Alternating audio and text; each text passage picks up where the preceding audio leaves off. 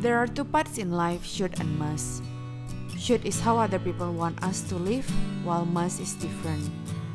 It is who we are, what we believe, and what we do when we are alone with our truest, most authentic self.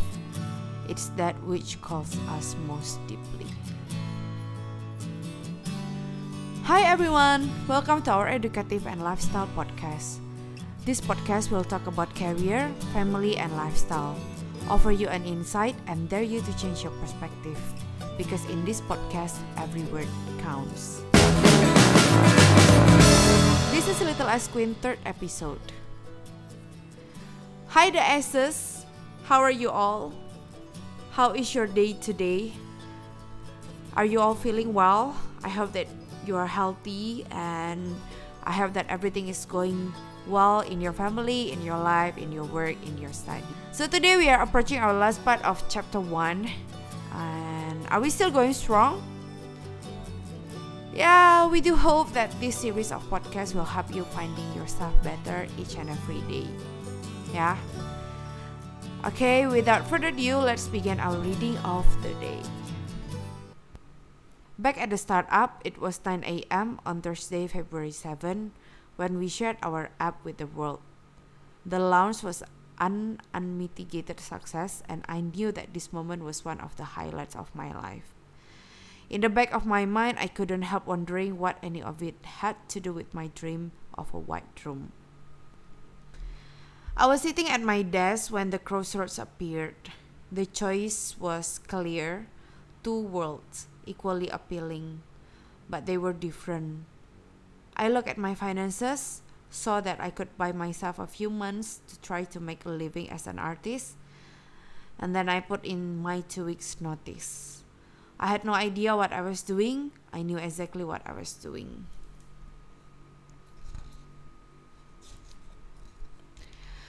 There are two parts in life, should and must. We arrive at these crossroads over and over again, and every day we get to choose.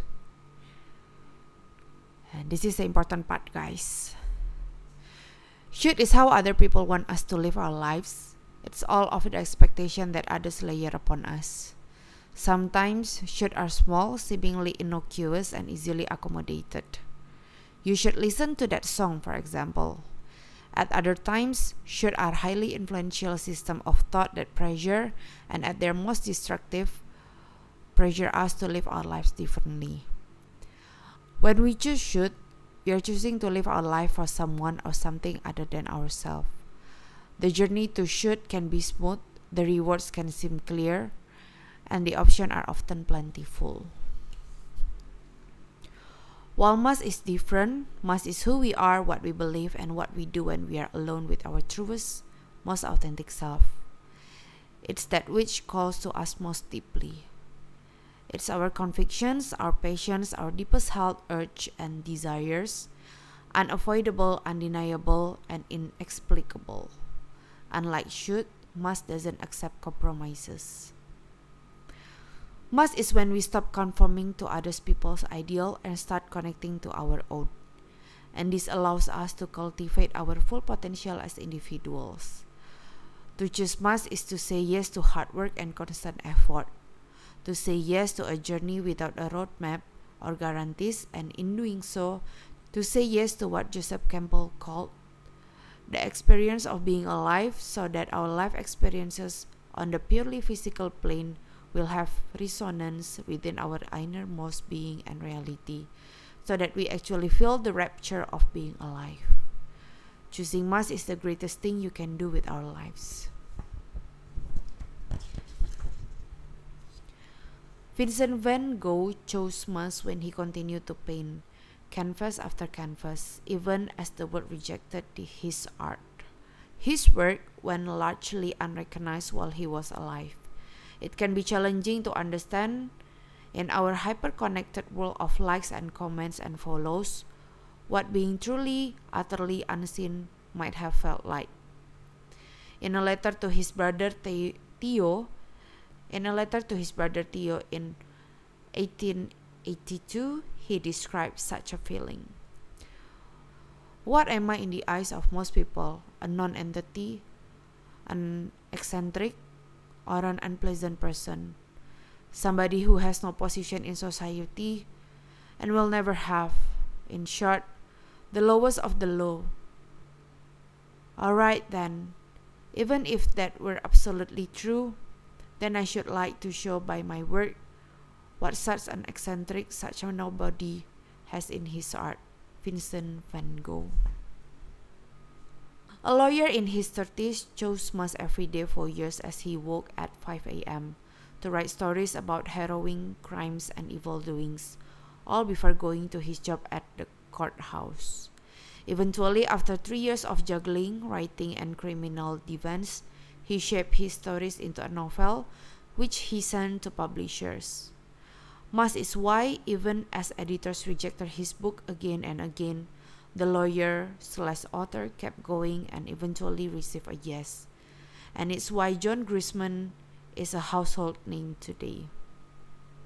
Another example a small group of entrepreneurs in San Francisco chose Mass when their new business idea, an unheard of space rental service named airbedandbreakfast.com, was running out of money and the idea was not gaining traction.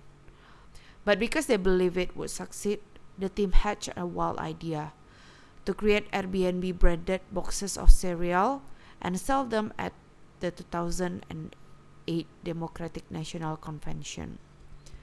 The team designed a cartoon illustration of Obama, found a cereal manufacturer in California, hot glued and the tops and numbered each 1 through 500 and sold them online for $40 each as art. These collectible boxes ended up on the CNN, Good Morning America, and across the press. With hope in every bowl, the small fledgling Airbnb team found a creative way of making money fast when every conceivable metric said they should quit. But if mass is so great, why don't we choose it every day? So that is guys, the first chapter of the book we just finished it and this is what I thought as I finished reading the first chapter, I have now clear picture of understanding of what I'm doing before this and what I'm doing right now. I started to realize that when I work in a company, it was my shoot. I worked for the company for three years, and for me, it was the hardest time of my life. Well, I did not say that you should quit your job or working for a company is a bad thing. In fact, working under a company is a good thing. You get to learn a lot of stuff before you start your thing, and it becomes your advantages, right? But when you found your calling, it's another different story, I guess, right? Correct me if I'm wrong, but that was my thought. And continue where it left as I'm doing Little Ice Queen now as my full time, I clearly begin to see what Elle Luna says on her book. That this, this podcast, My Little Ice Queen, is my must.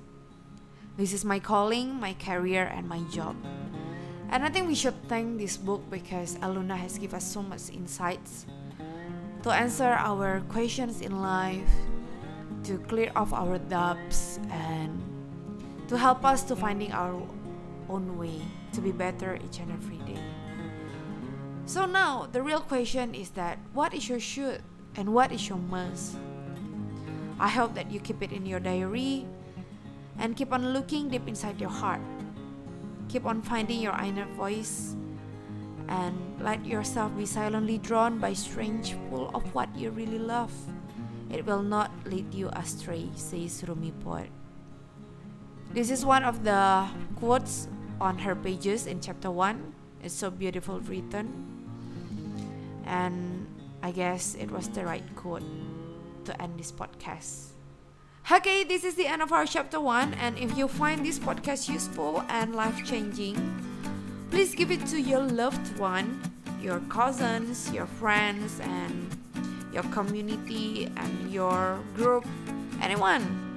And let them find their inner voice and we walk together to achieve our calling.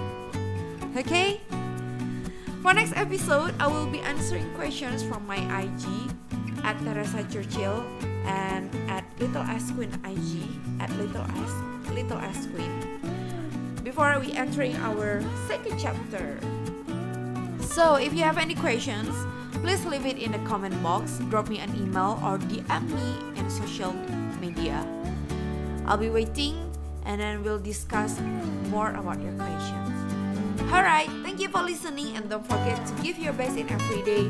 Be kind to one another always. Love you all. God bless you.